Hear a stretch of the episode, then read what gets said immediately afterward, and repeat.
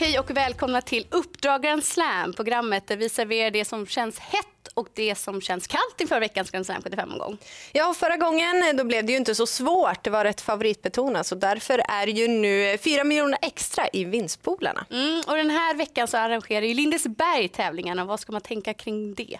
Eh, jättefin sommarbana, men kurvorna är lite speciella, framförallt då sista sväng.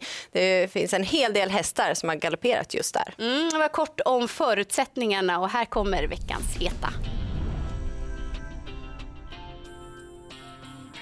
Jörgen Westholm har för det mesta fin form på stallet, men för dagen då är stallformen riktigt, riktigt vass. Han selar ut en duo i den första avdelningen. Dels nummer ett, Scarlett Hello, som satt fast med krafter senast och brukar möta tufft motstånd. Men hetast känns nummer tre, Miss Silver, som trivs över den här aktuella distansen och får Björn Goop i sulken för första gången. Ja, och form är ju ofta bra att ha, eller det är bra att ha. Om man inte heter försteslotten, nummer nio i avdelning tre, hade inte startat på länge inför senast, men han snabbstartade från spår fem på tillägg kom till ledningen och försvann sedan ifrån konkurrenterna. Nu med lopp i kroppen, tränaren har jättefin form och passande förutsättningar med springspår på tillägg, ja då blir han ju farlig. Och lägg då till första gången eventuellt med rycktussar. Det är intressant. Mycket I den fjärde intressant. avdelningen då är det långdistans. Vad har vi för vinnare där? Ja, men nummer nio, Time to make it right, har visat att han trivs över den aktuella distansen. Obesegrad för tränare Oskar J. Andersson på ett försök. Och Oskar J. Andersson han håller fin segerprocent på 19 som tränare. Och går vi till den femte avdelningen så startar nummer fem Superbop ET. Han har gjort två lopp i regi Ulf Stenströmer, men då har det varit voltstart och hästen har galopperat bort sig direkt. Nu är det autostart och hästen får Björn Goop i sulken för första gången och Ulf Stenströmer han låter optimistisk kring uppgiften. Det skulle jag också göra om jag hade Björn Goop i sulken för första gången. Alltid intressant med ny kusk, men kanske extra hett med just Björn Goop. Mm, jag håller med och så här säger våra kollegor om saken.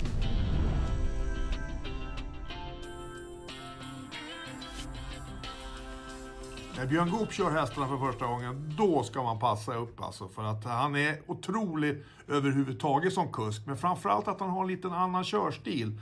Han är ju vänsterhänt och det kan få många hästar att tända till lite extra. Björn Goop första gången på en häst är bra, speciellt om den har lite aktionsproblem.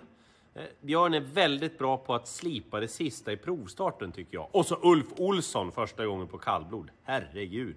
Det måste inte alltid vara en fördel. Är hästen svårkörd så kan det vara bra med ordinarie kusk. Men eh, det kan också vara väldigt spännande med en ny kusk, särskilt när Björn Goop kör. Jag räknar i alla fall med att det är ett stort plus.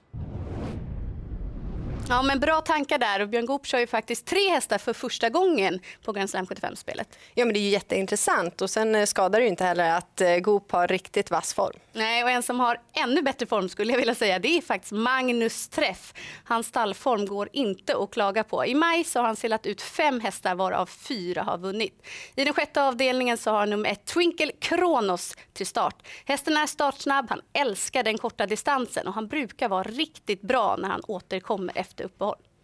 Ja, Ika Nurmanen har också fin form. Han har verkligen visat framfötterna i Sverige. 26 i segerprocent. I den sjunde avdelningen då har han fyra Lovemore till start som krossade, ja bokstavligen krossade motståndet på Solvalla senast. Och gör hon om den prestationen, ja då blir hon svårslagen. Mm. Från våra heta så går vi vidare till de kalla.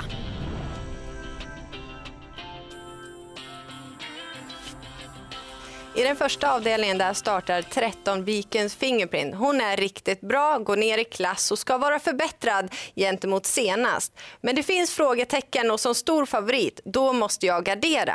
Hon startar från dubbla tillägg och riskerar återigen att få göra grovjobbet. Och dessutom så var hon inte som bäst senast. Och går vi till den andra avdelningen så har vi nummer ett, SGs Accenta. Men spår 1 det känns inte optimalt för hennes del. Hon har haft spår 1 vid tre tillfällen tidigare och då har hon inte varit i närheten av att hålla upp någon ledning. Så här känns det som att risken är överhängande för att hon blir fastlåst.